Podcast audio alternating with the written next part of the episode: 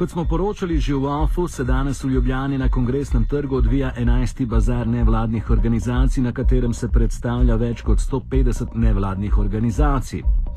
Bazar je del festivala Vseslovenskega festivala nevladnih organizacij, poimenovan Lupa, ki se je začel v torek 18. septembra z nacionalno konferenco nevladnih organizacij. Pod nevladni sektor spada zelo širok nabor zelo različnih organizacij, zavodov, društv in drugih skupnih oblik delovanja posameznikov. Koliko jih je in katere dejavnosti so vključene v ta sektor, nam je povedala namestnica direktorja Centra nevladnih organizacij Slovenije Tina Divjak. V Sloveniji je 25 tisoč nevladnih organizacij in kot sem rekla, delujejo praktično na vseh področjih, spremljajo ljudi, kot radi rečemo, od zibroka do groba.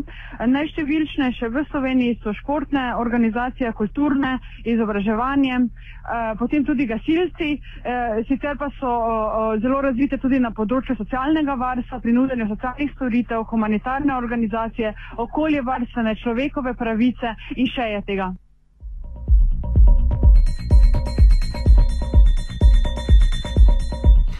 Med vsemi naštetimi se če dalje večkrat govori prav o pomembnosti prostovoljstva, ki je seveda za družbo zelo pomembno, vendar pa ima tudi negativne implikacije. Tokrat so nas zanimale prav te. Na eni strani smo priča če dalje večjemu krčenju socialnih pravic, nižanju dohodkov in večanju socialnih razlik. Po drugi, seveda to privede do če dalje večje potrebe po prostovoljnem delu in to seveda izkorišča tudi država. Tino Divjak smo tako vprašali, ali bi bil potreben dosti večji upor na strukture moči, kot pa spodbujanje prostovoljstva kar se dogaja. Prostovoljstvo je integralni del nevladništva. Eh, po, če pogledamo številke, praktično milijon slovencev, polovica ljudi je vključenih v nevladne organizacije, so kakorkoli aktivne, upravijo na milijone ur prostovoljskega dela. In kaj se v bistvu dogaja, je to, da se država vedno bolj naslanja ali pa računa na prostovoljsko delo, da bodo ljudje sami poskrbeli zase.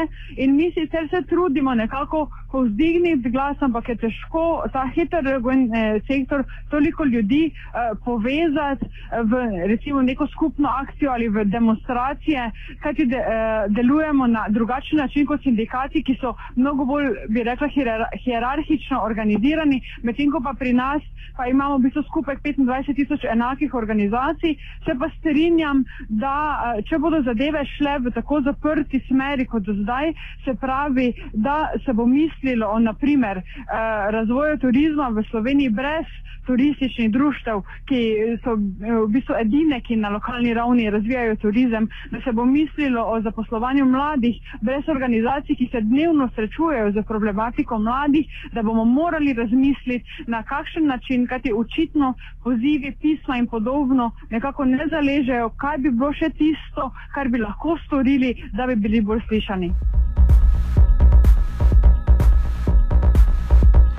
Na predstavnika slovenske filantropije Primoža Jamška smo naslovili podobno vprašanje. Ali prostovoljstvo rešuje vidko državo in v ljudeh zbuja občutek krivde, ker ne morejo sami skrbeti zase?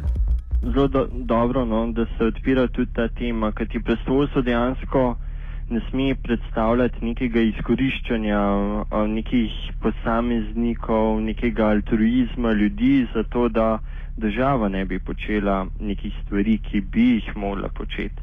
Seveda smo tle potem zelo na krških temeljih, kdaj, um, kaj so zdaj neke tiste naloge države in vsekakor prihajamo zdaj v eno obdobje, ko se država če dalje bolj umika um, iz tega področja in seveda je vprašanje, kaj se bo zgodilo v sami prihodnosti a bojo zdaj neke naloge, ki jih je do zdaj upravljala država, zdaj pa jih v bistvu ne bo več financirala in bojo zdaj začeli delati prostovoljci, zaradi tega, ker si bojo pa še vedno želeli, da bo kvaliteta življenja ostala ista. To, kar je osnovna ideja, je, da pač prostovoljci seveda delajo stvari, ki jih do zdaj še ni nobeden opazil.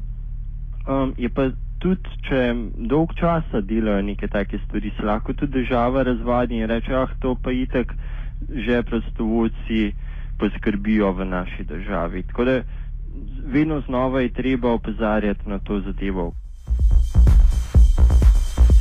Janček nadaljuje s še enim aspektom. Kot drugo, drug aspekt no, tle noter je tudi, da se prostovoljstva posameznik vsekako ne more iti, vkoliko nima poskrbljenega nekega osnovnega preživetja. Zdaj, ravno zato smo tudi na slovenski filantropiji kdaj zadržani do nekega zelo velikega spodbujanja brezposelnih, zato da bi počeli prostovoljsko delo. Čeprav je to za njih zelo fajn, ker pa dobivajo neke izkušnje, pa smisel življenja nekateri najdejo v tem, ima uh, neke pozitivne aspekte zraven, ne? ampak glih ne bi radi dali sporočila, le če pa nič ne počneš v življenju, pa pa počni saj prostovoljno. Pri vsem skupaj pa Jamšek opozarja na še eno negativno plat. Govori o paradoksalno rečeno prisilnem prostovoljstvu.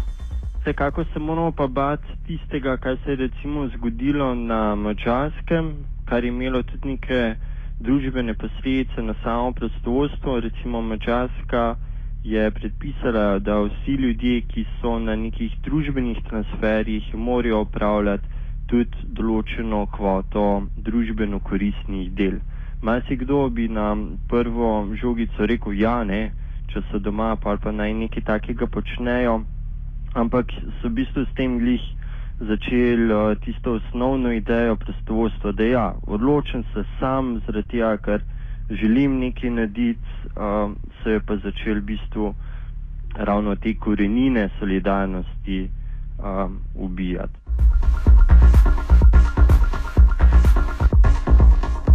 Ena od vej prostovoljstva je tudi filantropija in sicer v smislu donacij bogatašev drugim organizacijam ali posameznikom. Ena idej neoliberalizma je ravno v tem, da se država umakne iz polja socialnega amortizatorja in eh, naj to prevzame zasebni sektor. Jamška smo poprosili za komentar. Ja, to, to je lahko problem. No? Um, v tem smislu smo lahko zelo veseli, da smo lansko leto dobili zakon o prostovoljstvu, ki je v bistvu prvič nekaj zakonsko zapisal, kaj pomeni izkoriščanje prostovoljstva.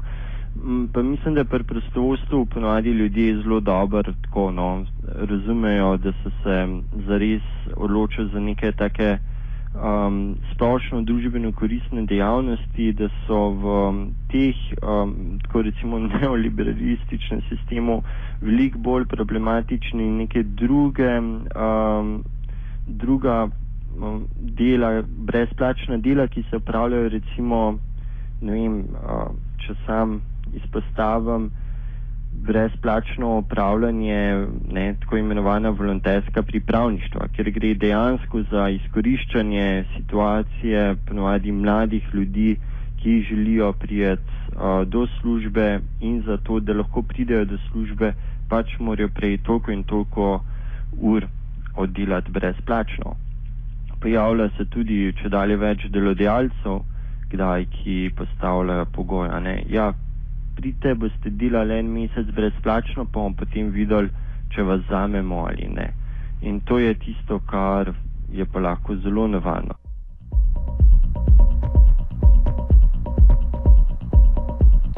Glede na povedano, smo vprašali Tino Divjak, kako to, da se določen del bolj politično angažiranega dela nevladnega sektorja bolj neposredno ne vključi v politični aktivizem.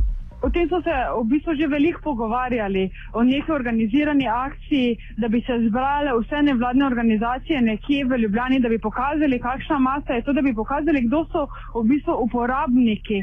Govorimo o ljudeh, eh, o revnih ljudeh, o starelih, o osebah s težavami duševnem zdravju, o invalidih, za katere eh, skrbijo prvenstveno nevladne organizacije in ti pogovori so potekali, vendar nekako še ni prišlo do, eh, do realizacije.